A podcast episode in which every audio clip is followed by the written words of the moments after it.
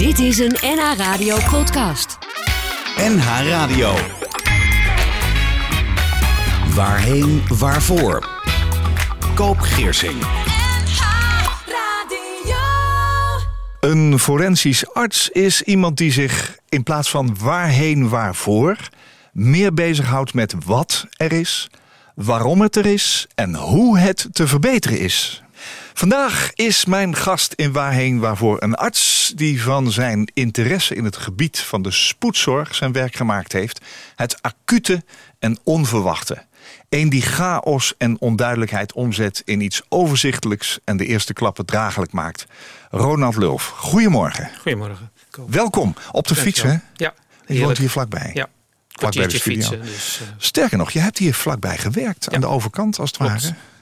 Ook wel personeel van hier uh, op mijn werk gehad. Oh, serieus? Ja, ja het Slotervaartziekenhuis. Ja. ja, want daar was je spoedeisende hulparts. Klopt, spoedeisende hulparts, ja. En tegelijkertijd ben je ook forensisch arts. Klopt. Ja, de dood is altijd iets uh, spannends voor uh, mensen. Hè? een taboe. Je zit als spoedeisende hulparts eigenlijk aan de ene kant van de dood. Want je probeert ze weg te houden bij dat overlijden. Klopt. Aan de andere kant is dat overlijden geweest. En kom je als forensisch arts. Klopt, ja. Nou, daar gaan we het over hebben. Spoedeisende hulparts, forensisch arts bij de GGD in Amsterdam. Docent, examinator, uh, betrokken bij de opleiding van forensisch geneeskundige. In het bijzonder voor het onderdeel arrestantenzorg. Daar moeten we straks ook maar eens even wat van weten. Talloze publicaties over lijkschouw en arrestantenzorg zijn van jouw hand. En Ronald, ik mag Ronald zeggen, je ja. zegt... ik zet chaos en onduidelijkheid om in iets overzichtelijks... en ik maak de eerste klappen draaglijk. Wat bedoel je daarmee? Uh, je krijgt iets ongedifferentieerds binnen. Uh, in beide richtingen trouwens. Zowel spoedhuisdulp als forensisch arts. En dan moet je gaan uh, bedenken wat is het en hoe kan dit en wat kunnen we eraan doen. Ja. Bij de levenden en bij de doden. Van hoe kan dit verklaard worden en accepteren we dat? Is het, is het moeilijk werk? Het klinkt misschien gek, maar voor, voor iemand die aan een hele andere kant van de lijn staat, uh, het lijkt het me zo ingewikkeld om aan de ene kant als spoedeisende hulparts te moeten bepalen wie er binnenkomt. Waar moet jij naartoe? Want dat zijn natuurlijk ook Ja. dingen die moet je soms binnen een minuut beslissen. We Dat kennen is juist het leuke, vind ik. Ja? Het eh, gewoon ter plaatse alle minuten op basis van je kennis die je min of meer hebt en je herkenning eh, iets doen. Heerlijk. Maar lukt dat ook altijd? Nee, natuurlijk niet. Dan gaan mensen dood onder je handen. Ja, dat is inherent aan het vak, maar je Ja. kan het zoveel mogelijk voorkomen. Ja. ja. Wij, wij kennen veel televisieseries die ehm, dit juist laten zien. Hè? ER was er bijvoorbeeld eentje jaren Ja. geleden. Komen met heel veel eh, tamtam, komen mensen binnen, worden al van allerlei dingen geroepen. Nou, we hebben hier natuurlijk ook de helikopters, de ambulances eh, die binnenkomen. En jij staat daar eigenlijk, hoe werkt zoiets? Sta jij daar dat op te, op te wachten? Is in Nederland gelukkig meestal rustiger dan in de films. Want daar is natuurlijk spektakel moeten zijn, anders is het niet leuk. Nee.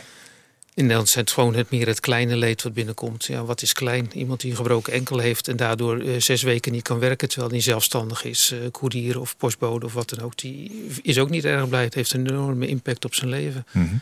En iemand die inderdaad de diagnose krijgt kanker, die is ook niet blij. En, maar dat komt minder hectisch binnen zoals in de film eh geshowd wordt. Ja, maar, Maar de impact ik, is even groot. ik zou me bijna kunnen voorstellen dat er natuurlijk met helikopters en, en ambulances wel eens situaties binnenkomen waar je toch echt ehm, ja, heel snel moet Ja. reageren. Dat is de minderheid. Een Ja. hele kleine minderheid. Ja, ja, maar ook dan moet je een beslissing nemen. Ja. ja. Je zegt ze, ze gaan als dood onder je handen. Ehm, hoe lastig is dat als mens? Ja, ik heb natuurlijk niet echt een relatie met die mensen nog. Als jij als arts, maar niet echt op persoonlijk vlak. Dus in zoverre is het meer een technisch eh, probleem eh, als arts. Dat je denkt, kan ik dit nou toch niet voorkomen? Is er toch nog niet iets te bedenken? Ik zit dan niet gelijk te denken aan wat is er emotioneel voor de familie die ernaast staat. Of voor die persoon zelf. Nee. Nee. Eerst maar eens even de techniek eh, kijken wat je nog kunt bereiken. Ja, En of het zinvol is natuurlijk om het te verlengen het leven. Want het is natuurlijk ook niet altijd de beste keus. moet je daar ook beslissingen in nemen? Ja, ik denk wel. Dus echt, echt kiezen voor leven of Ja. dood. Het Dat liefst in overleg met de persoon zelf natuurlijk. Ja. En als dat niet kan, spreek je dan ook de familie? nabestaanden, eventuele Eventueel de nabestaanden? familie, als je daar nog tijd voor hebt. Maar je hebt natuurlijk altijd collega's. Je bent nooit alleen in een ziekenhuis. Nee. Er zijn altijd eh, op zijn minst eh, verpleegkundigen. Ja. En anders ook wel andere artsen. Of je belt even met iemand van, ik heb dit en dit. eh, zo staat het ervoor. Ik denk eerlijk gezegd dat weinig zin meer heeft. Hoe denk jij erover? ja. Dat is juist belangrijk. Overleg is belangrijk. Ja. Teamwerk dus. Ja. Ronald Lulf is mijn gast. Voorgedragen door zijn broer Henk, die eerder hier geweest is. Je hebt nog een broer daarnaast. Ronald is politie, forensisch arts, doet onder andere lijkschouwingen, is spoedeisende hulparts en doet af en toe dienst op een ambulance. En met hem praat ik tot acht uur over zijn vak, over leven en dood. Ik merk in mijn omgeving eh, dat wij allemaal wel veel kijken naar series als CSI. Ehm, waar, waar het natuurlijk altijd gaat over een raar soort eh, Ja. eh, moord of wat dan ook. Maar dat moet Waar heel uitgezocht veel kan. worden. Ja, blijkbaar. Maar kijken forensisch artsen daar ook naar? Weet je dat van collega's? Eh, nee, weet ik eigenlijk niet van collega's. Ik weet zelf dat ik heel af en toe eens naar kijk. Zeker in het begin dat ik dacht, nou, hoe doen ze het daar? Maar het is Ja. natuurlijk allemaal zo overtrokken dat eh Wat de technieken zullen met de, wel met de bestaan. werkelijkheid? Nou, de snelheid. Kijk, de technieken bestaan wel. Tegenwoordig DNA kan je nu wel binnen één dag waarschijnlijk de uitslag krijgen. Vroeger was het drie, vier weken op zijn snelst. Dat, eh, en zo zijn er veel meer technieken. Er is natuurlijk heel veel mogelijk, met natuurwetenschappelijk ook. Alleen je moet het juiste laboratorium vinden en de juiste deskundige. Ja, Eh, elk vak, eh, elk stukje heeft weer zijn eigen deskundige. ja. Ja.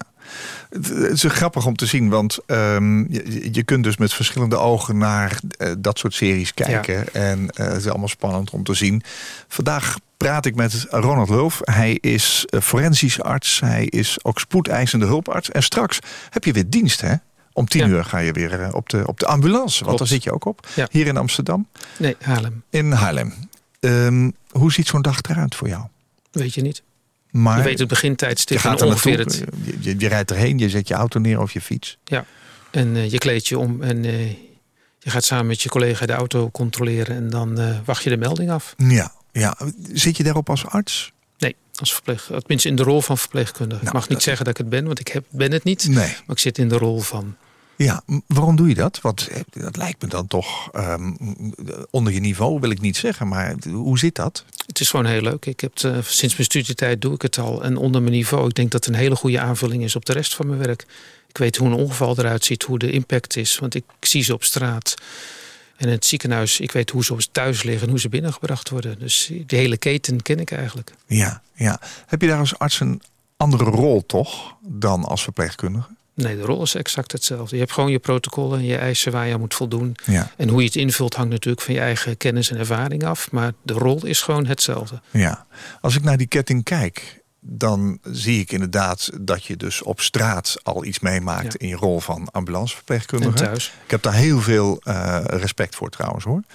Maar als spoedeisende hulparts wacht je eh, op wat binnenkomt. Ja. En als forensisch arts ga je kijken wat er eh, eventueel gebeurd is. Ja. En probeer dat eh, ja, in elkaar te zetten. Forensische geneeskunde is de tak van geneeskunde die medische kennis toepast ten behoeve van rechtszaken en justitieel onderzoek. Forensische artsen werken in de eerste lijn, houden zich bezig met medisch onderzoek, advisering ten behoeve van politie, openbaar ministerie, gemeente, die in het kader van handhaving, opsporing en strafrechtpleging dus geadviseerd worden door die forensische arts. Ehm, hoe ziet een gemiddelde werkdag van een forensisch arts eruit? Hangt ook weer een beetje vanaf waar je werkt, Uiteraard, welke regio. In Amsterdam zijn het ook gewoon eh acht uursdiensten. Omdat eh, de impact, tenminste de lood dusdanig hoog is dat het zin heeft om daar eh, acht uursdiensten te draaien. Dus geen piketdiensten. En ook daar weet je niet wat er gaat gebeuren. Maar ben je daar non-stop op weg, non-stop op pad? Als je zeg maar pech hebt wel. En eh, als je geluk hebt is het een rustige dienst. Oh ja. Maar je, een melding, de ene melding kan je met een telefoontje afdoen voor vijf minuten. En de andere melding eh, ben je de hele dag mee bezig. ja. Wat voor soort meldingen komen daar binnen? Wanneer word jij gebeld? Als iemand dronken is of onder invloed van drugs, dat hij ingesloten wordt. eh, of dat veilig kan, of het alleen dat is, of dat er nog een ziekte achter zit waar hij eventueel dood aan kan gaan in de cel. Dus dat de cel gewoon niet de beste plek is voor hem of haar. Eh, arrestanten die eh, medische zorg nodig hebben omdat ze verwond zijn of ziek zijn of medicijnen Komt gebruiken. daar de forensisch arts op af? Eh, dat is financieel zo gedaan om je paraatheid zeg maar, te financieren. Want alleen de lijkschouwen, dat komt natuurlijk te weinig voor. En daar uh, dan 24 uur per dag voldoende mensen voor paraat hebben, dat is. Uh, dan wordt die per, per verrichting te kostbaar, denk ik. Ja, ja, we hebben straks al even over die arrestantenzorg gehad. Um, waarom is dat een belangrijk onderdeel van het werk? Uh, omdat je daar, zeker bij die insluiting, ben je eigenlijk meer aan het adviseren. Je bent niet aan het behandelen. Je bent echt de, de aanvrager van de zorg is niet de arrestant, maar is de politie. Kan deze persoon veilig in de cel? Ja. En, en, en wanneer, dat is iets wat kan dat bijvoorbeeld niet? Uh, ja, is het überhaupt wel uh, dronkenheid? Of is, heeft hij een, een beroerte gehad? Of zit hij uh, met een heel laag suiker? Want dan heb je ook een heel verward gedrag. Of is hij zo ontzettend onrustig door zijn drugsgebruik dat hij eigenlijk niet veilig in de cel kan zijn? Ja. ja. Moet je daar naartoe? Moet je het onderzoeken? Ja. Ja, insluitingen moeten we in feite altijd zien, want dat kan je telefonisch niet beoordelen. Nee, nee. Dat lijkt me ook niet altijd even. Je wordt niet altijd even hartelijk ontvangen, lijkt me. Nee, maar je bent nooit alleen. Er zit altijd een arrestantenbewaarder bij. En ja, op zich ten aanzien van artsen en burgers, als je in burgerkleding komt, hebben ze toch wat minder agressie uh, dan ten opzichte van geuniformeerd uh, personeel. Ja, dus. ja, je doet dit werk al jaren. Uh, zie je verandering in, wij lezen de laatste jaren ook vrij veel verward gedrag een verwarde man of een verwarde vrouw. Neemt dat toe? Hoe, kijk je daar tegenaan? Uh, op zich de verwarden, dat wordt in Amsterdam vrij goed door de politie gescheiden. Dat zien wij als forensisch arts niet. Dat gaat gelijk naar de psychiatrische diensten, de crisisdienst in Amsterdam. Uh, ja, je hoort er wel meer over. Je leest natuurlijk ook de getalletjes in de krant dat die toenemen. En op je werk zie je ook wel wat meer uh, verwarden. Maar het is niet dat ik een enorme stijging zie. Ik denk dat een heleboel buiten mij uh, blik blijft, omdat ik dat stukje van de zorg niet hoef te doen. Nee, nee, ik denk ook wel eens dat we zoveel informatiekanalen hebben dat je daarom misschien denkt uh, of ervaart dat het toeneemt, maar dat het misschien gelijk gebleven is. Ja, omdat we nu weten dat het gebeurt en vroeger wist je het niet. Nee, nee, nee, dat is waar. En we accepteren misschien minder en daardoor lijken de getallen toe te nemen. Ja. Ik denk dat jij in het kader van de coronamaatregelen weinig anderhalve meter afstand kunt houden in je bijna werk. Niet, bijna niet. Hoe gaan jullie daarmee om dan? Wij moeten gezond zijn en als iemand enigszins verdacht wordt van corona, dan moeten we onszelf gaan beschermen. Dat is eigenlijk de omgang. Dan heb je de beschermingsmiddelen, het masker en het pak. Masker, enzovoort. hoofdmuts, eh, pak, ja. handschoenen. Ja, de handschoenen hebben we natuurlijk altijd al. Ja, ja. Hoe zit dat bij de ambulance dienst? Hetzelfde. Ja, Probeer zo snel mogelijk erachter te komen. Is een risico? Ja, dan moeten we ons gaan beschermen. Mogen we ook rustig de tijd voor nemen. Is gewoon uh, vastgelegd. Ook al is het levensbedreigend. Ja. Eerst jezelf beschermen en dan pas uh, de patiënt. Want jij moet nog langer mee. Ja, ja. Je hebt het al heel even gezegd. Hè? Een lichaam schouwen, dat is aan de andere kant ja. van de dood. Als uitvaartondernemer maak ik dat heel vaak mee. Dat um, na een euthanasie bijvoorbeeld nog een tweede arts komt. Een GGD-arts. Um, dat, dat doe jij dus. Ja. Wat gebeurt daar? Want daar ben ik eigenlijk best nieuwsgierig naar. Nou, de euthanasieën zijn natuurlijk eigenlijk van tevoren al dusdanig doorgesproken dat dat uh, allemaal wel klopt, de gang van zaken. Het is er niet natuurlijk dood, want je maakt in feite iemand dood. En dat is in Nederland en nog een paar andere landen wel gelegitimeerd. Maar het moet nog wel gecontroleerd worden of het echt volgens de richtlijnen verlopen is. En of het een geldig criterium was om iemand in dit geval dood te maken. Ja. ja. Dus het is eigenlijk een soort medische behandeling. Maar ja, je maakt iemand dood in plaats van dat je hem laat leven of langer laat leven. ja. En wij komen daarbij eigenlijk met name om het verhaal te aan te horen. Klopt het geel? Lijkt het allemaal kloppend? En papieren ontvangst te nemen en dat dan richting uh, de commissie te sturen. Of te laten sturen. justitie. Ja. ja. Maar met wie bespreek je dat dan? Met de arts die de euthanasie heeft Ja. uitgevoerd? En als je twijfels hebt over het geel, en dat is dus onze taak. Uh, als we iets horen wat niet klopt, dan moeten wij met de officier gaan bellen. En wat kun je horen bijvoorbeeld?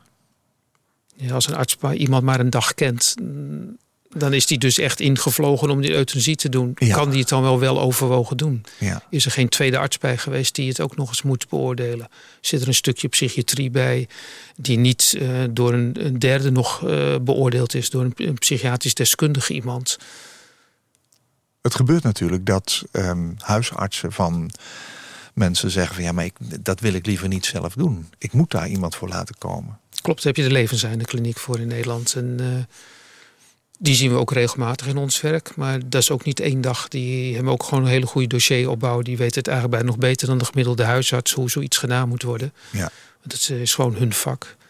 En uh, ja, dat gaat ook al netjes. Ja. Ik ga er eigenlijk al vanuit als ik gebeld word, dan klopt het wel. Anders bellen ze niet. Dan wil ze het verdoezelen en dan ga je niet de dokter bellen die het controleert. Nee, maar het is toch verplicht? Een het is verplicht, ja. Dat, uh, ja. ja. Ga je wel eens weg dat het niet in orde is? Is het wel eens gebeurd in je praktijk? In het verre verleden nog wel eens, maar niet uh, de laatste tiental jaren niet meer. Nee, nee, nee. Dat is echt wel goed afgestemd op elkaar. Ja. ja. Nou, de regelgeving is ook heel duidelijk. Uh, iedereen weet eigenlijk waar hij aan toe is. Je kunt ook heel makkelijk uh, als huisarts of als ziekenhuisarts een collega vragen: hoe moet ik het eigenlijk precies doen? Oh ja. Dus eigenlijk is het heel makkelijk geworden. Ja.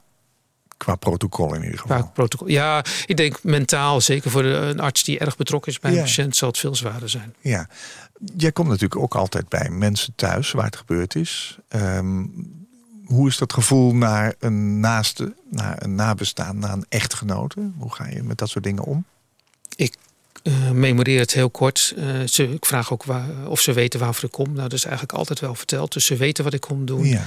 En, nou, ik kom bijna nooit tegen dat de familie niet blij is met het uh, feit dat diegene overleden is. Nee. Het is gewoon toch het einde van een lijdensweg waar ze allemaal heel erg blij om zijn. Ja. En in zoverre word je zelfs bedankt, terwijl ik eigenlijk niet veel gedaan heb. Mensen kijken er vaak naar uit, hè? Ja. Ja, dat maak ik ook mee. Over dood en leven gesproken, denk je wel eens over je eigen eindigheid na?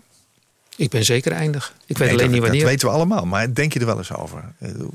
Denk je wel eens aan je eigen uitvaart bijvoorbeeld? Heb je dingen geregeld? Ik heb alles op papier staan. Dat wel. Ook de muziek? Uh, ja, in zover ik, ja, ik heb een bepaald idee over die ik hier niet ga vertellen. Oh. Maar ik heb, uh, over de muziek bedoel je? Uh, over de hele uitvaart. Over de hele uitvaart. Ja. maar ik heb zeker muziek, ja. Ja. In Nederland kun je drie dingen doen. Je kunt begraven, je kunt cremeren, je kunt aan de wetenschap geven. Ja. Zelf denk ik, dat zou je dat laatste wel doen natuurlijk.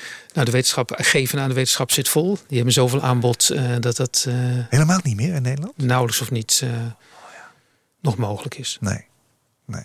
Dus het scheelt is... natuurlijk uitvaartkosten. Dus veel mensen hebben het uit financiële overwegingen ooit al ja. vastgelegd. Of idealisme, dat ze inderdaad zichzelf aan de wetenschap willen beschikbaar stellen. Ja. Maar er wordt natuurlijk steeds minder onderwijs gegeven door individuele uh, studenten aan een lichaam. Ik, ik heb vroeger met een groepje van vier moesten we een lichaam ontleden van in zes weken tijd om echt te weten hoe de bouw in elkaar zat. En tegenwoordig wordt het voorgedaan in grotere groepen of zelfs videobeelden.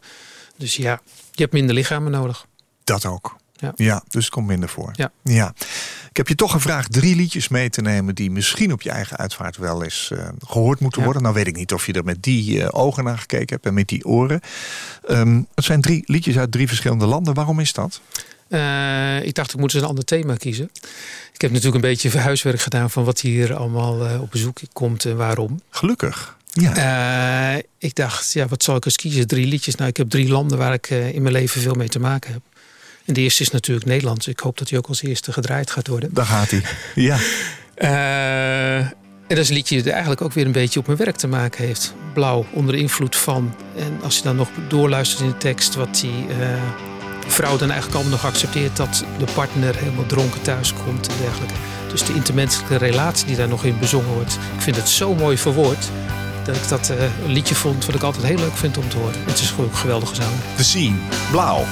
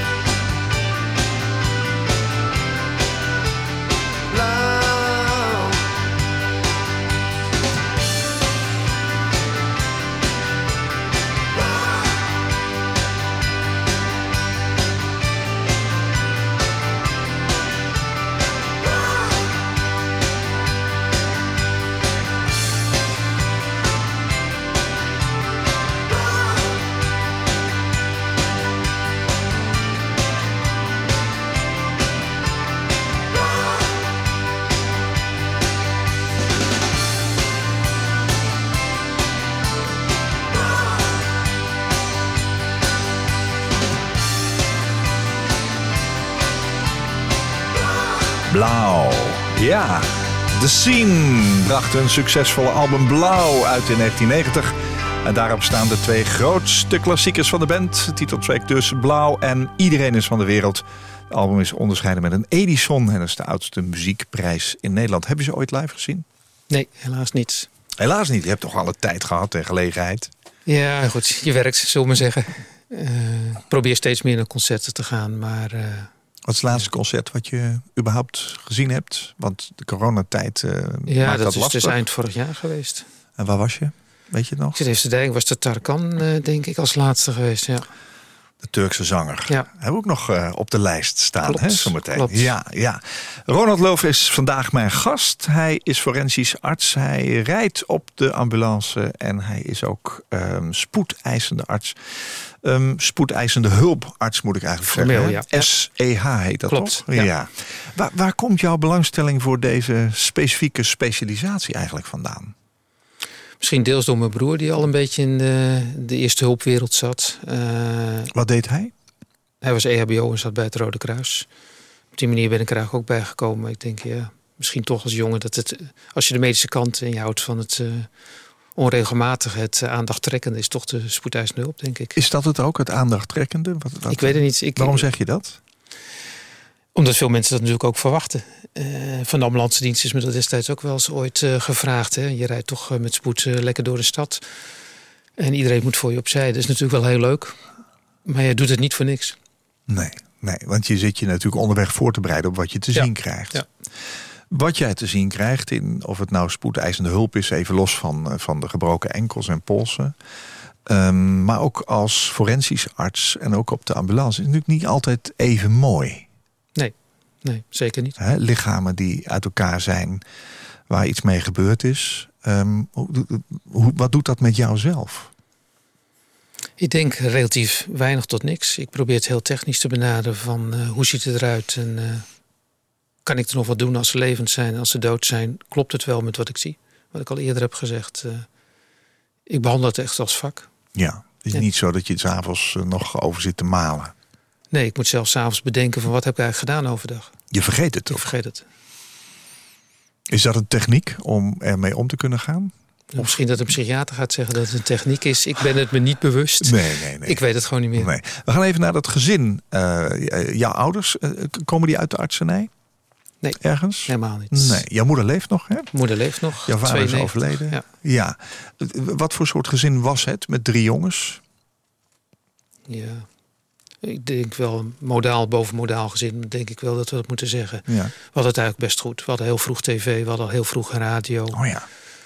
Dus heel rustig. En, en wat voor eh, belangstelling had eh, Ronald, zo'n Ronald, Ronald in die tijd? Als tiener, zullen we maar zeggen. Wat, wat eh, hield je bezig? Radio en lezen. Radio ook? Ja. Oh, dat vind ik leuk om te horen. Ja, ja, ja, heel vroeg. mijn vader had al een transistorradio. Die dan in de weekenden weer mee naar huis. Want hij zat een jaar lang elders. Ja. Dat hij door de week elders werkte. Eh, in het weekend de transistorradio op de schoorsteenmantel. Die werd al vrij snel voor mij. dus die bleef gewoon de hele week Waar eh, luister je vooral naar? Ja, Radio Veronica natuurlijk in die tijd. Ja, ja. tot eh, halverwege jaren zeventig. ja, ja. En daarna Hilversum 3, denk ik. Ja, maar toen begon de studietijd ook al langzamerhand. Dus toen eh, werd er al wat minder radio geluisterd. Al altijd op de achtergrond wel al radio aanstond. Maar echt op de achtergrond. Ben je meteen medicijnen gaan studeren? Nee, eerst een jaartje fysiotherapie gedaan. Oh ja, net Ik als was uitgeloot. Ja, ik was uitgeloot, dus ik moest wat anders. Ik wou het helemaal niet, maar achteraf is het wel goed geweest. Ja, dat heeft je ergens gevormd? Gevormd en op een hele andere manier naar het lichaam doen eh, kijken. Een fysiotherapeut is natuurlijk veel meer met het lichaam zelf bezig dan een arts. Ja. Dus op een hele andere manier eh, je werk doen. Wat maakte dan toch dat je die ommezwaai ging doen? Ik wou geneeskunde, dat wou ik van begin af aan, maar ik, ik kon niet, mocht niet. Uitgeloot. Dus Toen ik moest al. een jaar wat anders doen. Ja. En dan heb ik nog geluk gehad dat ik binnen een jaar alsnog ingeloten werd. Want anders had het eh, misschien af moeten maken. En ik denk niet dat het mijn vak was geweest. Nee. Nee. Jouw andere broer, eh, jouw broer Henk is dan Ja. eh, fysiotherapeut. En die EHBO had hij al vroeg in Ja. zich. Wat doet jouw andere broer? Eh, die is ook elektrotechnisch opgeleid, net zoals mijn vader. En zit nou in de windmolen eh, sector, zeg maar. Een hele andere, Heel andere, staat van dienst, zullen we zeggen. Hè? Ja. Ja. Nou ja, ook technisch toch? Ja, Je dus hebt toch ook een technisch vak eigenlijk, zou je kunnen zeggen. Ja, gecombineerd. Ja. Technisch en emotioneel natuurlijk. Wanneer besloot je ehm, om de specialiteit te kiezen die je nu uiteindelijk gekozen hebt? Direct al tijdens je studie? Ja, ik, eh, Of rol je daarin? Zo ik was net arts en door mijn broer en ook eh, door mijn eigen omgeving kwam ik al in contact met de politie. Dus toen mocht ik bloedafnames gaan doen van mensen onder invloed die niet konden blazen. Dus dat ging de forensische kant heel snel op. Die kwam ik ook in de spoedeisende hulp eh, tegen. Af en toe kwam er daar zo'n arts en daar kon ik heel goed mee praten. Dus binnen een jaar zat ik daar al. Eh, en vanuit mijn eerste basisbaantje als arts op de neurologie deed je al spoedeisende hulpdiensten. Die vond ik zo leuk. Ik kon heel goed eh, over, overweg met de hoofdverpleegkundige. Nou, ik binnen al anderhalf jaar zat ik daar ook. Ja, Dus het is gewoon doorgestroomd. ja. Dat teamwerk is heel belangrijk, hè? het Ja. werk wat je doet. Zeker. Eh, ik merk ook in de voorbereiding die we gedaan hebben voor dit programma... dat je dat ook een heel belangrijk onderdeel Ja. vindt. Maar je vindt het ook belangrijk dat het gezellig is onder elkaar. Ja, natuurlijk. Misschien is dat mijn manier van afreageren van de, alles wat je tegenkomt. Maar je moet het gewoon gezellig hebben. Dan is de sfeer veel leuker en is ook de samenwerking veel beter. Ja. Als je al bijvoorbeeld bang bent om met iemand te werken of denkt, oh god, heb ik met diegene dienst. Dan kan het toch nooit goed worden. Want degene die daar als derde bij zit, de patiënt, die wordt er niet beter van. Als de sfeer onderling niet goed is. Nee. Heb je dat meegemaakt aan de lijve? Dat je daar ook iets aan in moest veranderen? Nee, eigenlijk niet. Het gaat eigenlijk altijd wel goed. Nee, want wat je zelf geeft, krijg je terug vaak. Hè? Dat is mijn streven, ja. Ja. Zo vind ik ook dat je een patiënt moet benaderen. Ja, wat, wat jij eigenlijk zou willen ontvangen, zo moet je het ook geven. Ja, daar ben ik met je eens. Ehm, ik heb een paar luisteraarsreacties. Eh luisteraar Graham van der Hogen stelde via Facebook de vraag... lukt het altijd om te achterhalen wat er is gebeurd bij een overleden slachtoffer?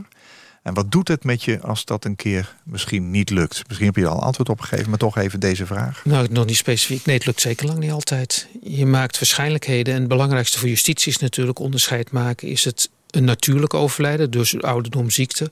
Of is het een overlijden door een misdrijf of zelfmoord... of anderszins beïnvloeding of nalatigheid van zorg? Ja, Eh, daar kom je heel ver in, in dat onderscheid maken. Want dan zul je ook nooit 100% scoren. Maar Nee. Door goed onderzoek te doen samen met eh, de politie... eh, kom je een heel eind, dat wel. ja, In, die onder, in dat onderscheid. Maar de exacte oorzaak kan je niet altijd achterhalen. nee. En eh, wat doet het met je als het een keer niet lukt? Baal je dan? Denk je, shit, ik had een andere aanpak moeten kiezen? Of, nee, je accepteert want gewoon niet alles lukt. Dat weet je gewoon. En nogmaals, dan ben ik s'avonds meestal weer vergeten. En hooguit nog eens een keer een technisch aspect laten bedenken. Waar past dat ook alweer bij? Of je leest ergens iets en denkt... oh, wacht, dat past er misschien daarbij. Dus voor een volgende keer heb je weer wat geleerd. moet je in dit vak regelmatig bijgeschoold worden? Eh, elke arts moet gewoon 40 eh, onderwijspunten per jaar halen. Oké. Eén eh, lesdag van acht uur is zes punten, dus reken maar uit. En dan heb ik het geluk dat ik beide specialismen ongeveer met dezelfde punten kan eh, bijscholen. Want anders ben ik natuurlijk helemaal eh, alleen maar aan het scholen. Ja. Eh, maar je moet bijgeschoold blijven, er verandert zoveel. En veranderen protocollen vooral of ook technieken? Leer je, leer je erbij? Vind je dat ook leuk om te, om, om te leren? Techniek leren, eh, basisoorzaken van ziekte worden natuurlijk steeds duidelijker. En daarmee ook weer de behandeling wordt weer anders. Eh, en door die combinatie ziekenhuis en forensisch heb ik, zit ik natuurlijk aan beide kanten. En met name uit het ziekenhuis je de meest recente kennis. Ja, eh, die ja. komt vanzelf op je af of je hoort het eh, van je collega specialisten. En dan ja, die pak je, dat pik je weer mee. Ja.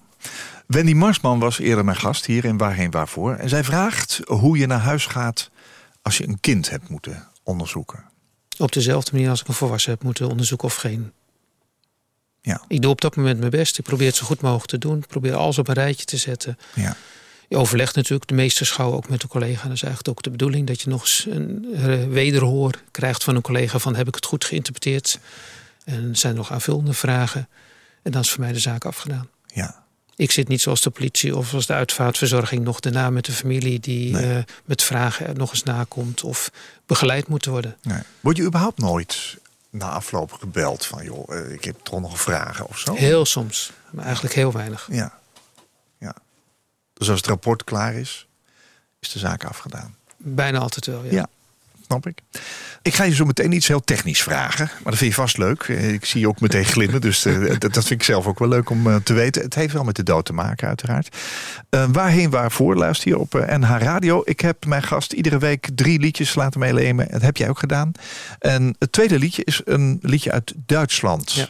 Waarom? Duitse familie. Dus wat ik al zei, ik wil een beetje de landen van mijn leven laten, aan bod laten komen. Dus Ja. Duitse familie. Jula- Ja, de Duitse Neue Welle is natuurlijk een hele bekende stroming van de Duitse muziek. Een Ja. heleboel leuke liedjes. Ik dacht, ik kies een wat minder bekende van Juliane Werding... die ook weer een beetje met mijn werk te maken heeft. Ga niet in de, ga niet in de stad vannacht, want hij wil iemand omleggen omdat hij boos is. Eh, wat ik natuurlijk aan de andere kant weer in mijn werk tegenkom. Het zij op de spoedhuisdulp, het zij als forensisch arts. Ja, snap het.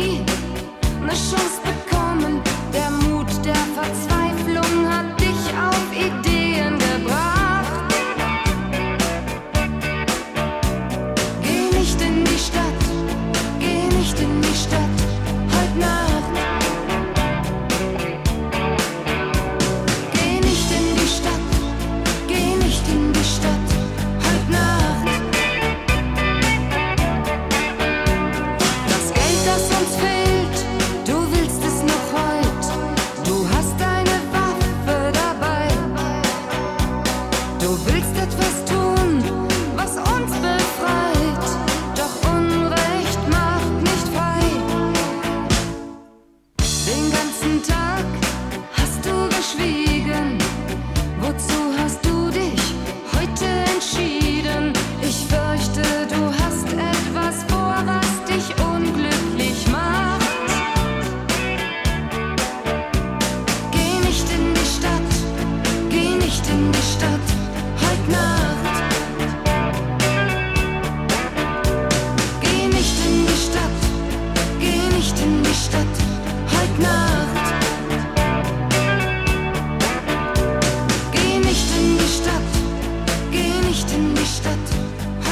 Juliane Werding, Geh nicht in die Stadt heute Nacht. Eh, in Nederland doet ze het inderdaad in de jaren 80 ontzettend leuk.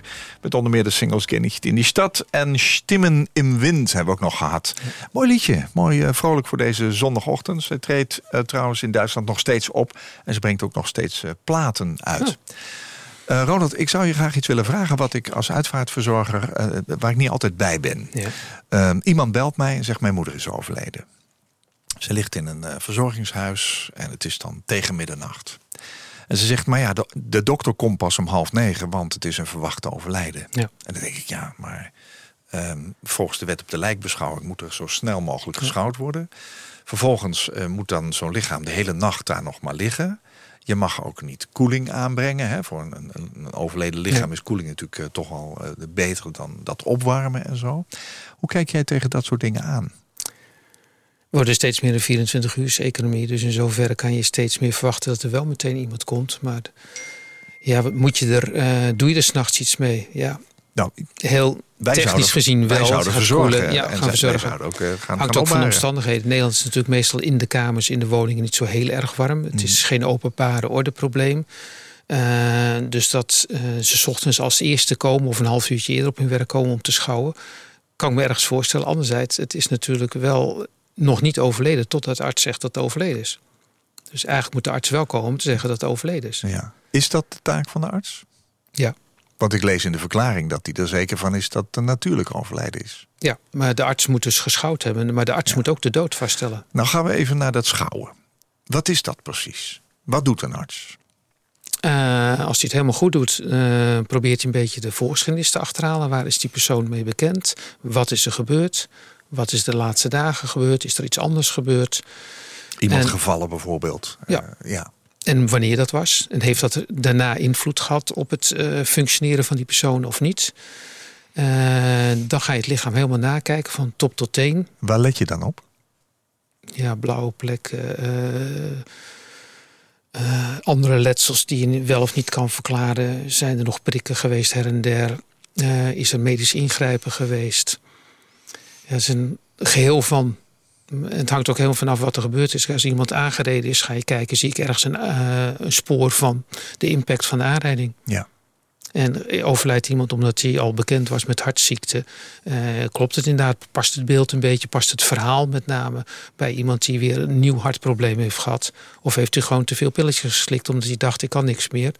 Dus je kijkt dan ook in omgevingen erg goed eh, van zijn daar dingen die niet eh, kloppen. Vuilnisbakken natuurlijk of daar pilletjes in zitten en dat soort eh, plekken. Ja. Bekertje water met allerlei troebelen inhoud wat spullen oplos, eh, opgelost kunnen zijn. Oh ja. Dus je kijkt eigenlijk naar een heleboel dingen. Het is Soms- een vrij breed, breed spectrum dus, Ja. waar je op let. Ja, het is niet alleen het lichaam. Nee, zeker niet. Ik zie een arts nog wel eens in ogen kijken van een overledene. Klopt. Wa- waarom is dat? Van de oudsher natuurlijk de pupilreflex, of die nog reageert of niet. En als die niet meer is, dan is iemand dood. En als het vervormbaar is. Je kan ook wel eh, lichte sporing van eh, als iemand eh verwurgt. dan zie je in de ogen soms sporen ervan. Dus eigenlijk is dat een van de standaard dingen om naar te kijken. Om dat Wat niet te missen. Wat zie je dan Een soort blauwe plekken. Een specifiek soort blauwe in plekken. de ogen? Ja. ja. En die zijn je- ook niet te voorkomen als moordenaar. Dus Nee, nee, nee. Als jij komt, dan is er iets aan de hand. Dan heeft die arts gezegd van nou, ik vertrouw het niet. Ja. of het is al duidelijk, of er is geen arts bekend. Nee, maar het kan zijn dat, dat die arts er niet uitkomt. Klopt. Wat Ja. kom jij dan doen? Dan ga je het Eh, lichaam ook helemaal bekijken? Ja, juist. Waarschijnlijk nog meer dan een huisarts, omdat het, wij het ge- gewend zijn te doen. En huisarts is dat denk ik toch nog steeds minder gewend. Tenzij die wat interesse in dit eh, stukje geneeskunde heeft. En meestal als ik kom, komt er ook politie mee. Want dan is er dus iets aan de hand. Dat betekent dat er ook recherche komt, zowel tactisch, dus degene die de verhoren doet en de buurtonderzoek en de sporen gaat proberen te achterhalen op camerabeelden en dergelijke, als technisch. En samen met die technisch ben je echt heel uitgebreid in de omgeving bezig, aan het lichaam bezig. Eh, kunnen we het helemaal verklaren wat we hier zien of niet? Ja. ja. Ben jij daarin doorslaggevend? Nee, het is een team. Dus ik doe, het, ik, doe het, van doe medische stukje. Ja, Zij doen met ja. name techniek en sporen afnemen. Ja. Dus voordat ik er überhaupt bij kan, zijn zij soms al 1, 2 uur bezig om al de eerste sporen weg te, op te nemen. Ja. Want als ik, die, als ik de kleding uitdoe, is een deel van de sporen weg. Dus voor die tijd moet dat stukje al gedaan zijn. ja. En vaak gebeurt het ook tegelijk. Ja. Je mag eigenlijk helemaal niet aan een lichaam komen hè, als er niet een arts bij geweest is. Je mag ook een lichaam niet koelen, niet verzorgen. Nee. Ehm, En als het niet natuurlijk overlijden is, mag je zelfs als arts, als behandelend arts, mag er ook niet meer aankomen. Alles moet erin blijven, alles moet op zijn plek blijven. Totdat eh, besloten is dat we het vrijgeven of we het spooronderzoek hebben gedaan. ja. Dus als iemand neergeschoten wordt en komt in een ziekenhuis terecht, hij heeft allerlei eh, tubes en infusen en dergelijke, mag er niks meer aan gebeuren op het moment dat hij dood is. En in feite zou hij zelfs in de shockroom moeten blijven liggen. Of op de ra- operatiekamer. Wat is dat, een shockroom? Eh stopvang van de, de kamer van de hele zieke mensen. Ja, ja. Ehm, ik vind het een, een heel boeiend gedeelte van het werk. Eh, als uitvaartverzorger kom ik ook bij mensen die zelf het leven genomen Ja. hebben. Daar speel jij ook een rol Ja. als forensische arts. Iemand heeft gehangen of iemand heeft eh, gesprongen. Of iemand, eh, wat is nog je taak daar? Ook weer kijken of het... Ja, Want of dan weet je dat het niet natuurlijk is, toch? Ja, maar heeft hij, is hij zelf gaan hangen? Of heeft iemand hem opgehangen nadat? Of vooraf? Eh, maar, maar kun jij dat is dan zien, lichamelijk? Ja, Of iemand... deels. Oh, Samen met de eh, technische recherche. Inderdaad, we doen echt... eh, we kijken wel al gauw een uurtje in zo'n situatie op zijn minst. Ja. En niet alleen kijken, maar ook reconstrueren, uit elkaar halen. Klopt het allemaal wel? Past het wel bij wat wij denken dat het is? Het is ook een puzzel, hè? Het is een puzzel, ja. Ja. Maar ook de foute puzzelstukjes eruit zien te halen. Zodat je de puzzel weer, de goede puzzel krijgt. Ja, ja. Heb je voldoening van dat werk, van dat stuk? Ja. Ja. Toch altijd weer leuk als je als team weer iets hebt bereikt... Ja. waarvan je onderling zegt van... Ja. nou, dit en dit hebben we allemaal gevonden. Het past bij dat. Hoe Zijn gruwelijk ook soms, hè? Ja, maar wij kijken dan niet naar het gruwelijke. Wij kijken op een hele andere manier, denk ik, naar Ja. zo'n zaak. Ja. Kun je daaraan wennen, zullen we maar zeggen? Is dat in het begin anders dan nu?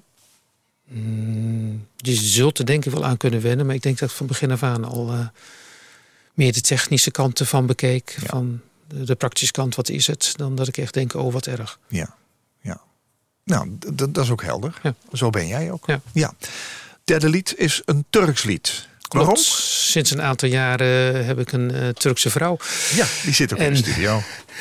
Dus ook een belangrijk stukje van mijn leven geworden. Dus ik vond dat ook die, eh, dat land aan de bod moest komen. En Ja. heb dus mijn hele bekende eh, Turkse zanger gekozen. Omdat we naar een concert zijn geweest vorig jaar nog. Je bent er geweest, hè? Het, het is gewoon hele leuke, vrolijke muziek. Ja.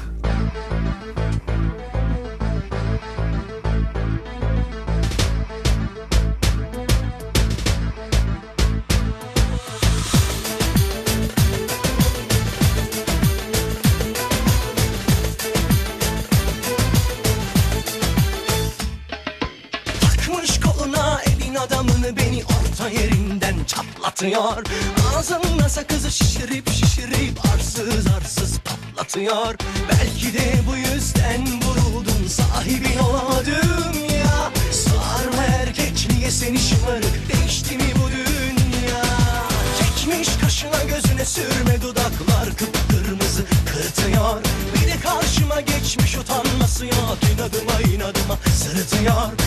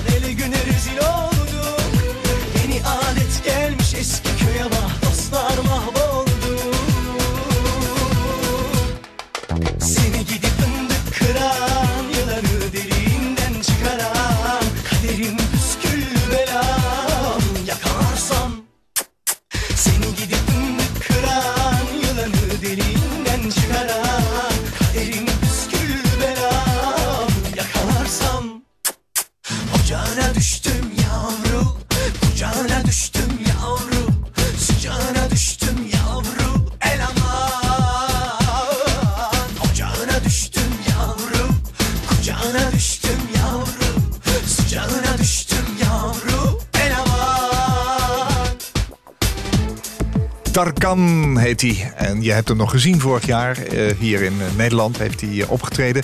Kiss Kiss heet het. Of eh Shimmerik. Zeg ik het goed? Ja, ja, ze steekt de duim op. Gelukkig wel. Hij is een populaire Turkse popzanger. Die Tarkan is in Duitsland geboren trouwens. Dus die, die link is er ook wel weer. Hij immigreerde met zijn familie naar Turkije. Studeerde klassieke Turkse muziek in Istanbul. Heel erg populair. Ehm, Ronald, ja, we moeten het afronden. Vind ik heel jammer. Ik had nog een uur door willen praten. Ik heb nog zoveel vragen. Maar jij legt eigenlijk een hele grote puzzel met een team. Waarbij je als je binnenkomt op de plaats delict, zullen we maar zeggen. eh, nog niet weet eh, eh, wat uiteindelijk het oordeel zal worden. Maar waarbij je wel steeds die puzzelstukjes bij elkaar moet leggen. En kijken of het wel de goede stukken zijn. Of dat je een andere puzzel tussendoor hebt gehad. Oh, echt waar? Ja, ja. het is veel ingewikkelder nog Ja. dan dat wij soms denken. Hè? En wat wij Meestal de- niet, maar die keren dat het wel is, moet je het eruit vissen. Ja. ja, en het lukt ook niet altijd. Hè? Nee. Nee. En daarna moet je een rapport schrijven. Ja. Dus dat stukje zit er ook in. Wat leuk dat je er was vandaag. En ook leuk. mooie muziek. Dankjewel. Gelukkig. Goed aan je broer Henk. Ga ik doen. Mijn gast vandaag in Waarheen Waarvoor was Ronald Loof. Hij is forensisch arts. En zoals hij het zelf zegt, iemand die zich in plaats van waarheen waarvoor meer bezighoudt met wat er is, waarom het er is en hoe het te verbeteren is. Hij is ook nog spoedeisende hulparts. En straks gaat hij weer een hele rit maken, waarschijnlijk in en om Haarlem, om weer mensen ter plekke te helpen. Hoop dat dat een rustige dag voor je wordt vandaag. En ook voor eh, mensen. Eh, Ronald houdt van zijn werk, kan het ook heel goed loslaten in zijn dagelijks leven. Goede dienst toegewenst wat dat betreft. Dank dat je ons een kijkje wilde geven in jouw puzzelomgeving. Waarbij je toch wel heel erg met leven en met dood bezig bent. Dat zeker, ja. En dank wat je allemaal doet dus voor ons in de maatschappij. Goed. Dat is je werk. Goeie reis, ja. Dankjewel. Koop Geersing. Als jij een keer te gast wilt zijn in Waarheen Waarvoor om te vertellen over jouw levensreis, laat me dat dan weten via waarheenwaarvoor.nhradio.nl. Waarheenwaarvoor.nhradio.nl. Dit was een NH Radio podcast. Voor meer, ga naar nhradio.nl. Radio